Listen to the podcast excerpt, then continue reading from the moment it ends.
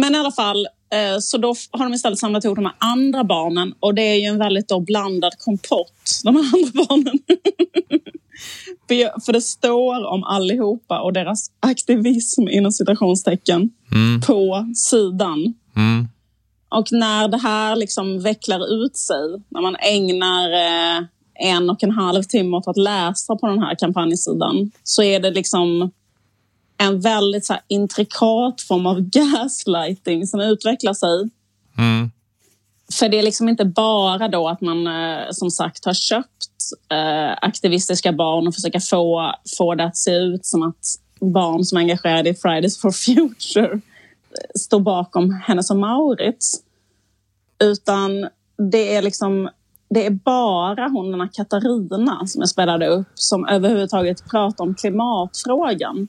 Mm. Alla de andra barnen pratar om vad som helst. Okej. Okay.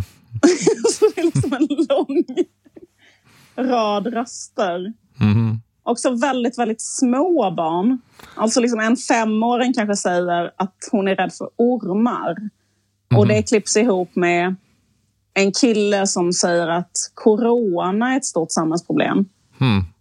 Och sen kanske det kommer... Att vi måste eh, stoppa ormarna. Mm. Att det är en aktivism. ja, precis.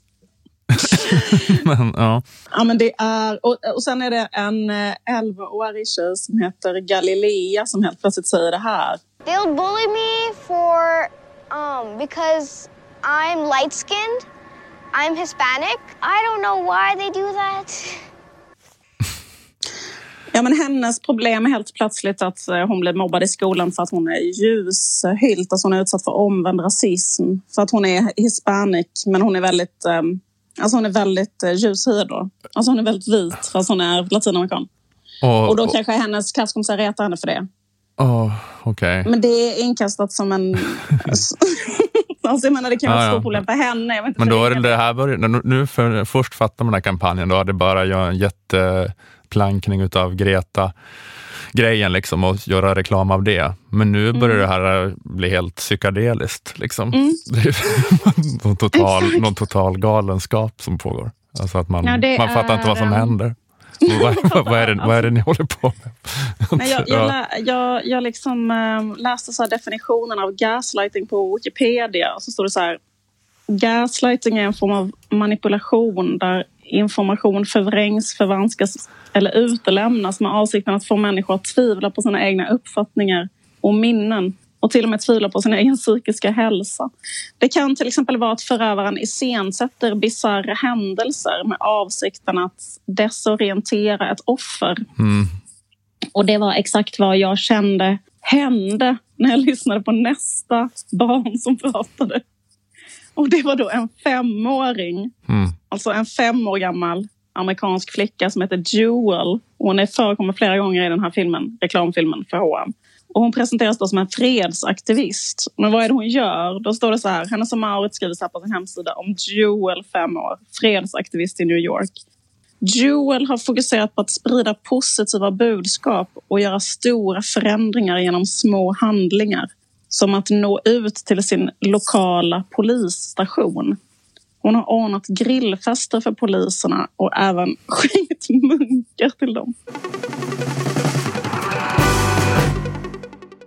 Okej, det här var ett litet utdrag. Köp en prenumeration för 29 kronor i månaden på underproduktion.se stormens utveckling om du vill höra detta avsnitt. Plus alla tidigare prenumerantavsnitt, plus alla kommande. På underproduktion finns också instruktioner om hur du lägger in prenumerationsfeeden av Stormens utveckling i din poddapp, vilket är att föredra för smidigt lyssnande, även om det såklart går att lyssna direkt på webben också. Och när du har klistrat in din premiumfeed i till exempel Podcaster, eh, om du har en iPhone eh, så får du upp en feed som inte heter gratisfeeden inom parentes utan den heter bara Stormens utveckling och i den feeden finns då alla avsnitt av Stormens utveckling inklusive gratisavsnitten. Så du behöver endast eh, den feeden då.